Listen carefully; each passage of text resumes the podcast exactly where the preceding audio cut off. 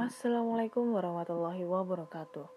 Selamat datang di podcast kisah horor.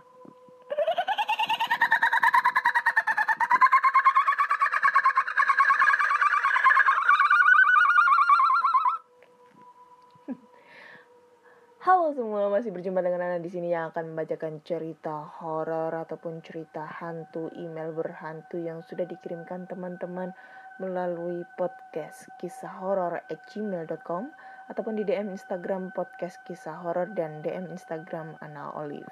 Hmm. Udah satu minggu lewat, aku nggak ngebacain email. Hahaha. Uh. Oke, sebelumnya itu aku mau ngumumin ya eh, pemenang giveaway eh, untuk cerita horor terbaik itu jatuh ke ada siapa tadi? Tadi namanya ya? Eh yang satu di episode yang judulnya eh, cerita sundel bolong di kampus UI episode 41 dan yang satu lagi adalah Alhamdulillah episode pertama tentang My Little Angel. Nah, itu eh, bagi kalian yang mendengarkan eh, podcast ini ya, yang pemenangnya selamat. Kalian mendapatkan saldo GoPay sebesar 100.000 rupiah. Dan jika kalian mendengarkan podcast ini tolong dibales email saya ya. Soalnya saya tidak menemukan tidak bisa menemukan eh, Instagram. Ataupun pada saat aku ngemail itu nggak dibales. Mungkin nggak minat kali ya saldo GoPay 100 ribu. Oke ditunggu ya buat teman-teman yang udah menang. Dan buat kalian yang belum dapat jangan berkecil hati. Next nanti akan ada giveaway lagi. Eh, buat yang kirim cerita yang paling horor banget bagi saya. Karena kalau bagi teman-teman gak ada yang ngasih tahu. Ya. Ditunggu loh guys. Eh, kalian berdua untuk balas email aku ya. Yeah baru kali ini podcast kisah horor ada giveaway giveaway. Kalian gak mau nih saldo gopay 100 ribu? Kan lumayan banget. Buat makan buat minum apalah. Uh, sama pacar apalagi ya. Oke oke oke. Lanjut kita lanjut eh, akan bacakan cerita. Kali ini udah ada tiga cerita yang akan aku bacakan. Sudah aku pilih semua. Dan hmm, apa ya? Ya pokoknya itulah. Belibet banget ya karena eh, agak nggak enak badan jujur aja hari ini enak agak nggak enak badan. Karena baru kali ini Surabaya dilanda hujan dan hawanya itu bikin orang sakit gitu ya. Jadinya itu batuk-batuk terus meriang merindukan kasih sayang terus demam kayak gitu kayak ya itulah penyakit penyakit penyakitnya orang jomblo itu kayak gitu. Tuh kan belum belum apa apa udah batuk anjim. Hmm. Oke langsung aja kita bacakan cerita pertama. Cerita pertama dari cerita pertama datang dari email dan email pertama datang dari Hilda Setiani. Oke langsung aja kita bacakan ceritanya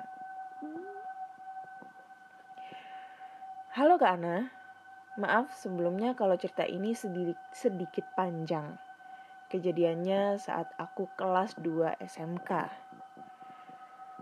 pada waktu itu sekolahku mengadakan kegiatan bersami. Tapi sejak saat kegiatan dimulai, perasaanku sudah tidak enak. Acara doa bersama dan pembagian kegiatan kelompok sudah beres. Kemudian kami disuruh berkumpul di lapangan depan musola. Acara berlangsung sangat seru, hingga kegiatan terakhir sebelum tidur pun lancar. Saat itu waktu sudah menunjukkan setengah sepuluh malam. Karena takut mengganggu ketenangan warga sekitar, Akhirnya kegiatan pun diakhiri. Semua diperintahkan untuk masuk ke ruang kelas yang telah dibagi-bagi sebelumnya. untuk ruang tidur kami, ada larangan yang diberikan oleh guru pembimbingnya, yaitu tidak boleh mematikan lampu saat kami semua tidur. Masing-masing ruangan dijaga oleh satu panitia untuk mengawasi apakah kami sudah tertidur atau belum. Hampir semua yang ada di ruanganku tidak bisa tertidur jika lampu tidak dimatikan. Akhirnya, panitia itu mematikan lampu, dan semua mulai tertidur. Perasaanku makin kacau karena kami semua melanggar aturan itu. Aku yang takut kemudian menyalakan lampu emergensi yang aku bawa. Tapi teman-temanku marah saat cahaya lampuku mengenai wajah mereka. Tidak ada satu menit, tiba-tiba dari ruangan lain ada yang berteriak kencang banget.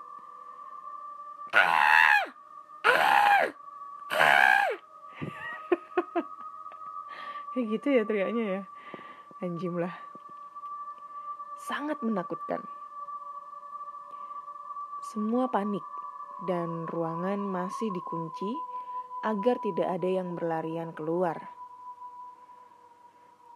Terdengar panitia laki-laki berlari ke arah ruangan tersebut.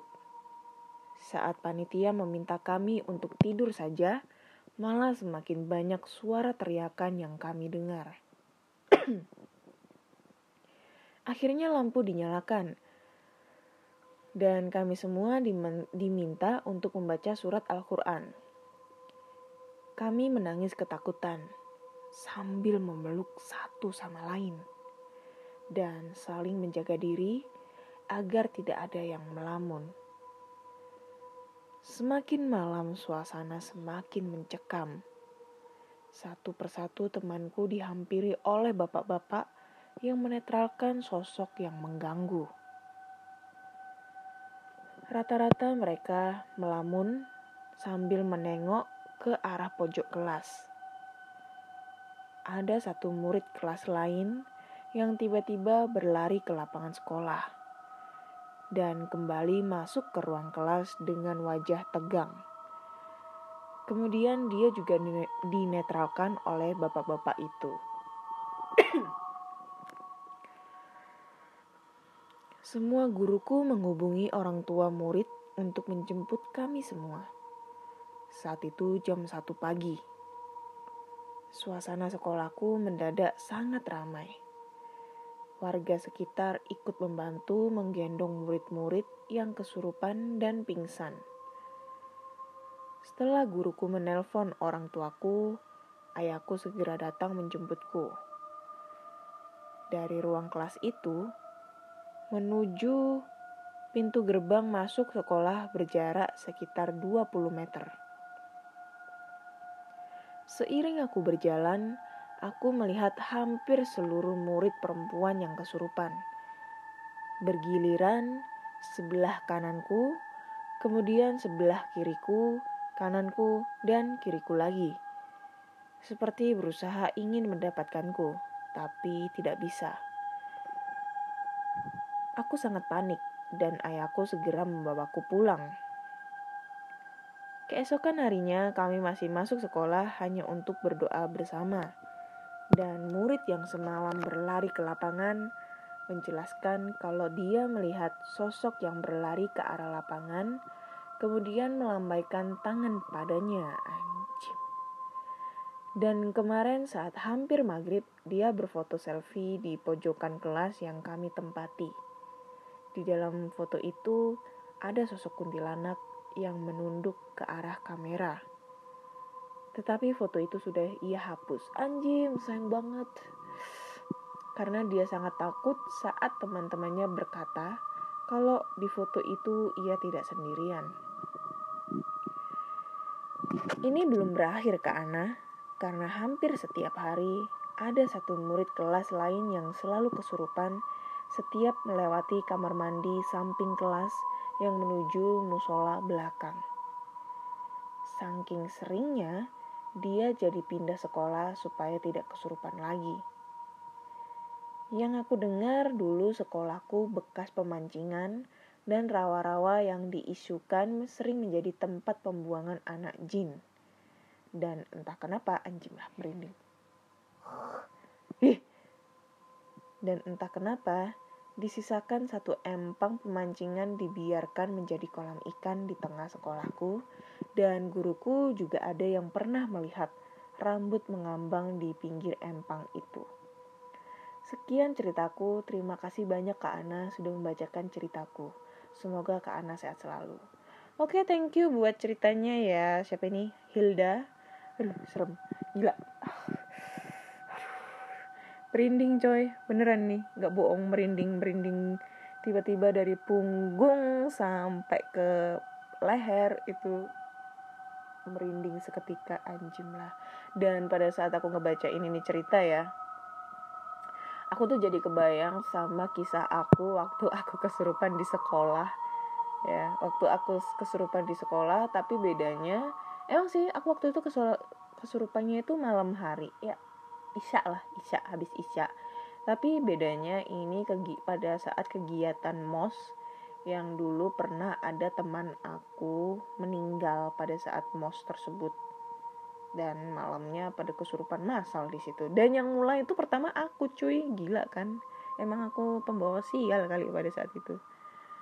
Dan kalau bisa dibayangkan ya karena sekolah aku sekarang ini yang sekolah sekarang udah pindah ya. Udah pindah lokasi karena yang gedung yang lama itu kemarin sempat dibuat pondok pondok pesantren ya. Mohon maaf pondok pesantren orang bercadar gitu. Tapi habis itu dijual gitu tempatnya. Dan itu lokasinya angker banget sumpah gelap semua itu. Dan tadi pada saat aku ngebacain ngebaca ngebacain ini ya yang pada saat ada epi uh, di yang temennya lari ke lapangan itu aku langsung terbayang coy lapangan di sekolahku pada saat itu gila serem dan tiba-tiba langsung merinding baru cerita pertama udah merinding cuy gimana cerita kedua ketiga keempat kelima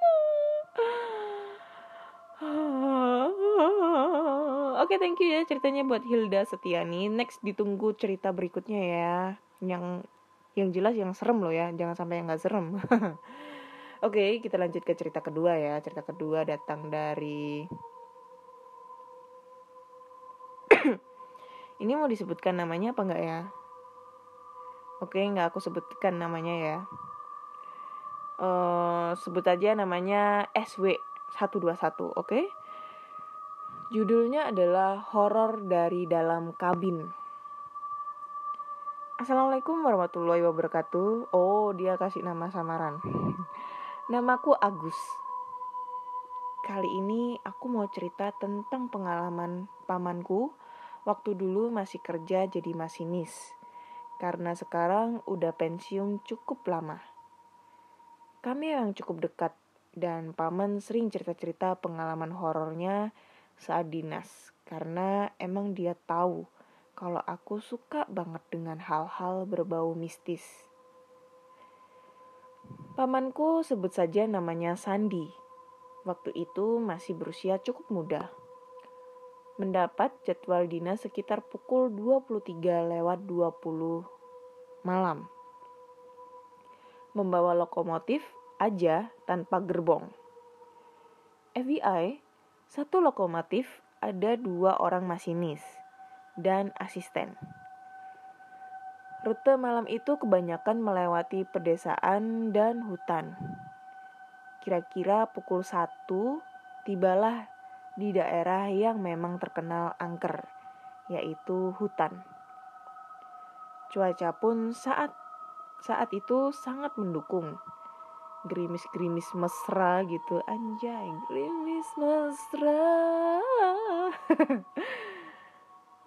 Gangguan pun dimulai begitu masuk area hutan di pinggir rel. Terlihat banyak makhluk-makhluk dengan bentuk yang tidak wajar. Kebanyakan manusia dengan organ tubuh yang tidak utuh. Karena memang kereta cukup sering nabrak orang. Saking seringnya dapat gangguan mistis, Pamanku seolah terbiasa menghadapi hal-hal semacam itu. Setelah itu masih di daerah yang sama. Di kejauhan tampak bayangan putih di tengah rel. Seakan menghadang jalannya kereta. Semakin dekat ternyata bayangan itu ternyata malah berjalan mendekat Pamanku melihat ke arah asistennya di samping. Terlihat dia seperti tidak melihat apa-apa. Itu berarti pamanku seakan berpikir itu sudah berlalu. Eh, itu berarti pamanku seakan merasakan sendiri gangguan itu di tengah hutan. Anjim, salah baca. Semakin mendekat, akhirnya ditabraklah bayangan putih itu. Dan yang pasti, tembus seakan tak ada apa-apa. Paman pun berpikir itu sudah berlalu. Namun gak berapa lama, pundak pamanku seakan-akan ada dua tangan yang megang di bahu kanan dan kiri. Anjim langsung deh aku ngeliat pundak aku dong. hmm, pundak, pundak, pundak. Dia pun menengok ke belakang. Terlihat seorang wanita berbaju putih, kuntilanak, dan paman pun eh kun putih. Paman pun walaupun begitu tetap fokus ke depan. Tiba-tiba terasa kepala si Kunti mendekat ke telinga paman sambil berkata,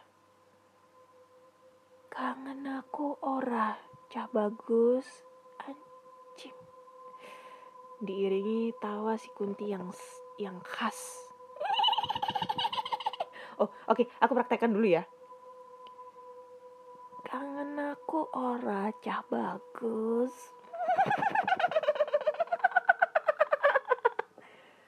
gitu ya.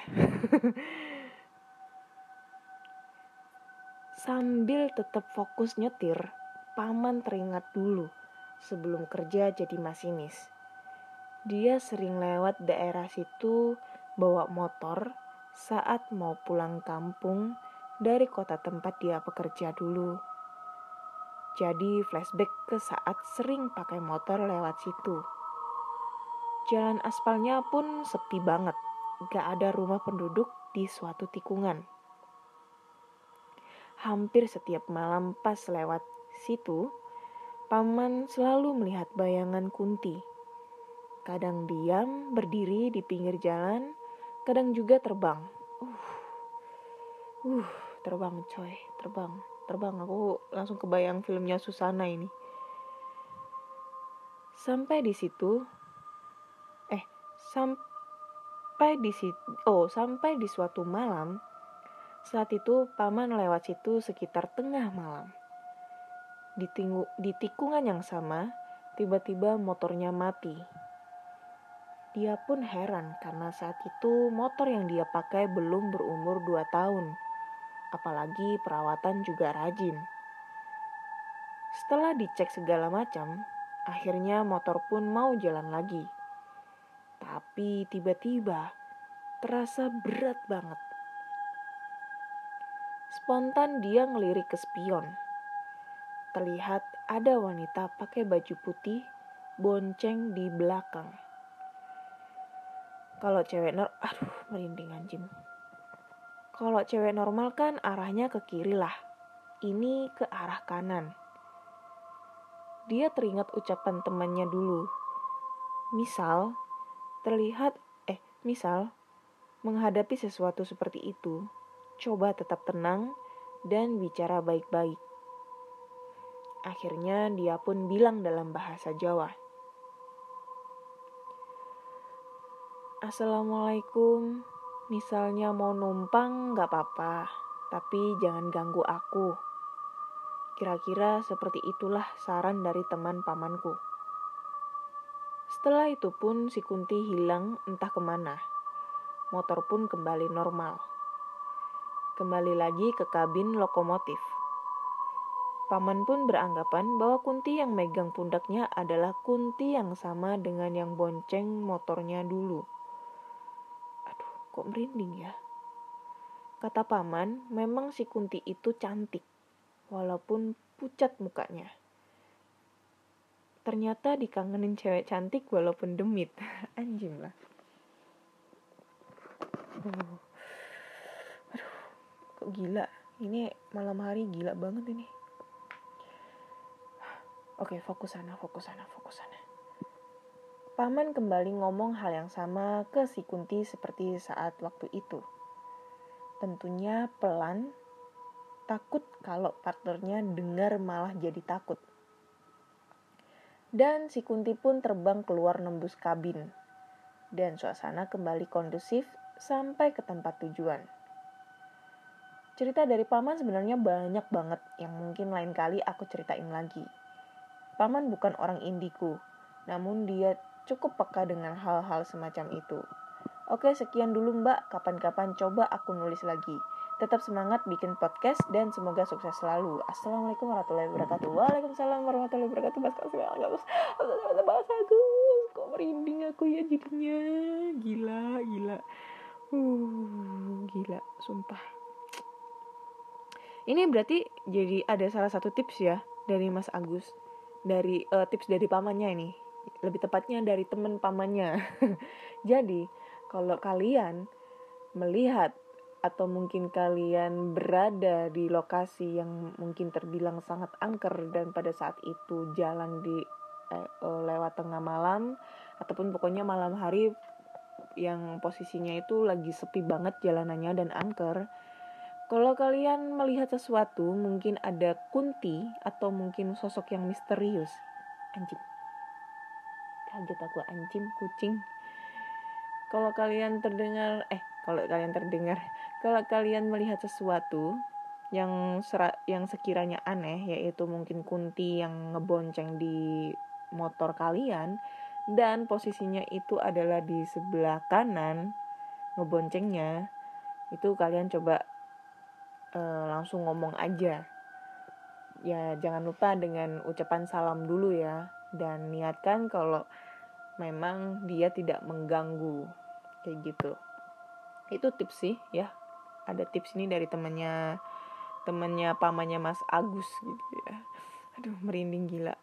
Itu nggak bisa kita bayangin ya kalau kita jadi ya pokoknya yang kalau kita kerja tengah malam pulang lewat tengah malam apalagi kalau pegawai pabrik itu ya biasanya yang shift shift sampai dari tengah dari malam sampai dini hari itu pasti banyak banget gangguannya atau mungkin uh, pokoknya pekerja-pekerja gitulah kayak perawat dokter atau apalah yang pokoknya dia kerjanya shift malam itu pasti banyak banget kejadian-kejadian yang janggal.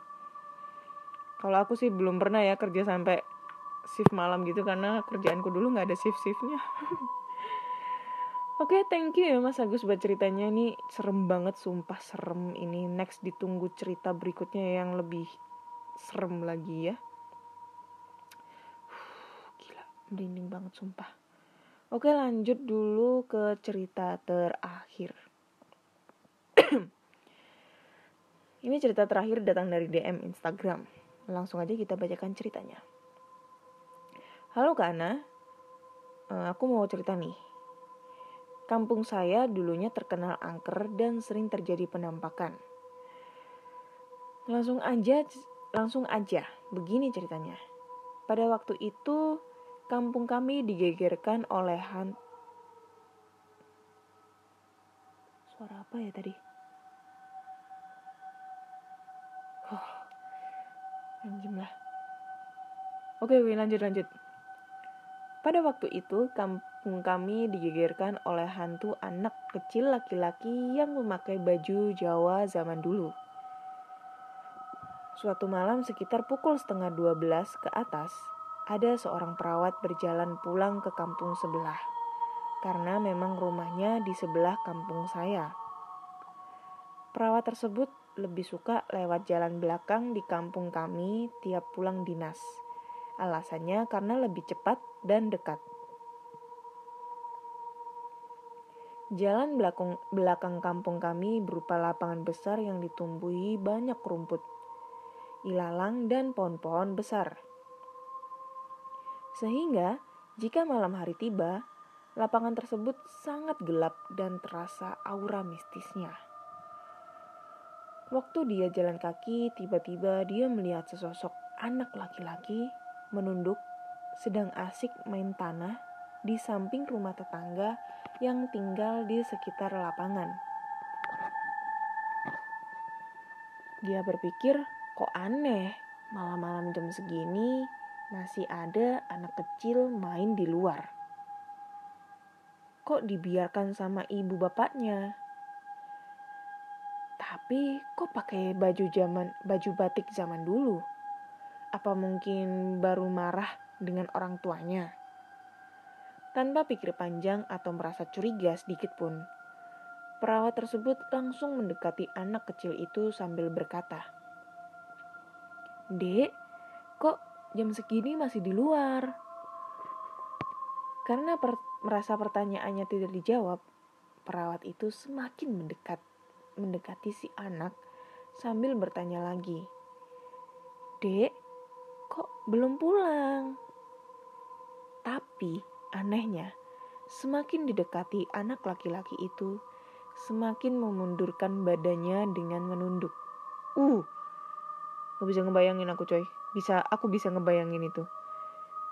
Lalu tiba-tiba anak itu lenyap. Melihat anak itu lenyap di depan mata, si, si perawat pun lalu lari terbirit-birit ketakutan. Keesokan harinya, jika pulang kerja malam, si perawat tersebut tidak berani lagi lewat lapangan, tapi muter lewat jalan depan kampung kami. Oke, okay. ini udah selesai ceritanya. Uh, gila ini ceritanya. Kenapa ya tiga episode ini lumayan serem-serem semua? Gak bisa aku ngebayangin. Oke, okay, thank you untuk teman-teman semua yang sudah sudah ini ya, sudah kirim cerita. Ada dari Hilda, Mas Agus, dan tadi satunya adalah salah satu pengirim dari DM Instagram. Ini nggak ngecewain banget ya tiga cerita ini nggak ngecewain banget sumpah karena mulai dari cerita pertama aja aura-aura merindingnya itu udah mulai berasa ya beda sama uh, kalau aku cerita-cerita sebelumnya itu mesti biasanya kalau aku ngerasa merinding itu pasti di cerita kedua cerita ketiga itu baru ngerasain ngerinding kalau nggak gitu cerita pertama merinding tiba-tiba cerita kedua ketiga itu udah biasa aja kayak gitu. Tapi ini dari cerita pertama sampai cerita ter terakhir ini lumayan membuat aku merinding banget. Banget banget banget. Menurut kalian cerita mana yang paling serem buat kalian? Oke? okay? So, jika kalian mempunyai cerita horor, entah itu pengalaman dari teman-teman atau mungkin dari kakak, adik, ayah, ibu, kakek, nenek, pacar, tetangga, kekasih gelap, kekasih hayalan, siapa pun itu, kalian bisa langsung aja kirim cerita ke podcast kisah horor at gmail.com podcast kisah horor at gmail.com ataupun di DM Instagram podcast kisah horor dan DM Instagram Ana Olive. Dan podcast kisah horor sudah bisa didengarkan melalui Spotify, Google Podcast, Apple Podcast, ataupun di Anchor. Jangan lupa klik tombol follow agar kalian selalu update tentang cerita-cerita horor terbaru ya. Uh, apalagi ya? Jadi bingung deh. Ya pokoknya itu deh. Ditunggu untuk cerita cerita-cerita kalian yang lebih serem ya. Dan uh, aku ingetin lagi buat dua orang pemenang yang sudah aku email. Ada yang cerita pertama itu uh, tentang pengalaman horor ketemu sundel bolong di kampus UI dan yang cerita kedua adalah episode pertama yang My Little Angel. Mungkin episode pertama itu udah lama banget ya. Itu bulan April aku ngebacainya itu aku udah email. Jangan lupa dibuka emailnya. Dan tolong dikirimkan uh, nomor handphonenya untuk aku bagikan saldo GoPay sebesar 100 ribu rupiah untuk satu orang pemenang. Tuh kan lumayan dapat saldo gopay 100 ribu buat makan minum jajan sama pacar atau mungkin kencan sama pacar pakai saldo gopay gitu kan. Atau mungkin mau saldo OVO boleh. Mau ditransfer di OVO di gopay boleh boleh aja kalau OVO kan dapat cashback tuh lumayan banget kan oke okay, thank you semua udah ngeba uh, udah ngedengerin podcast kisah horor di episode 55 dan nantikan episode-episode berikutnya. Oke. Okay? Akhir kata, saya Ana dan wassalamualaikum warahmatullahi wabarakatuh.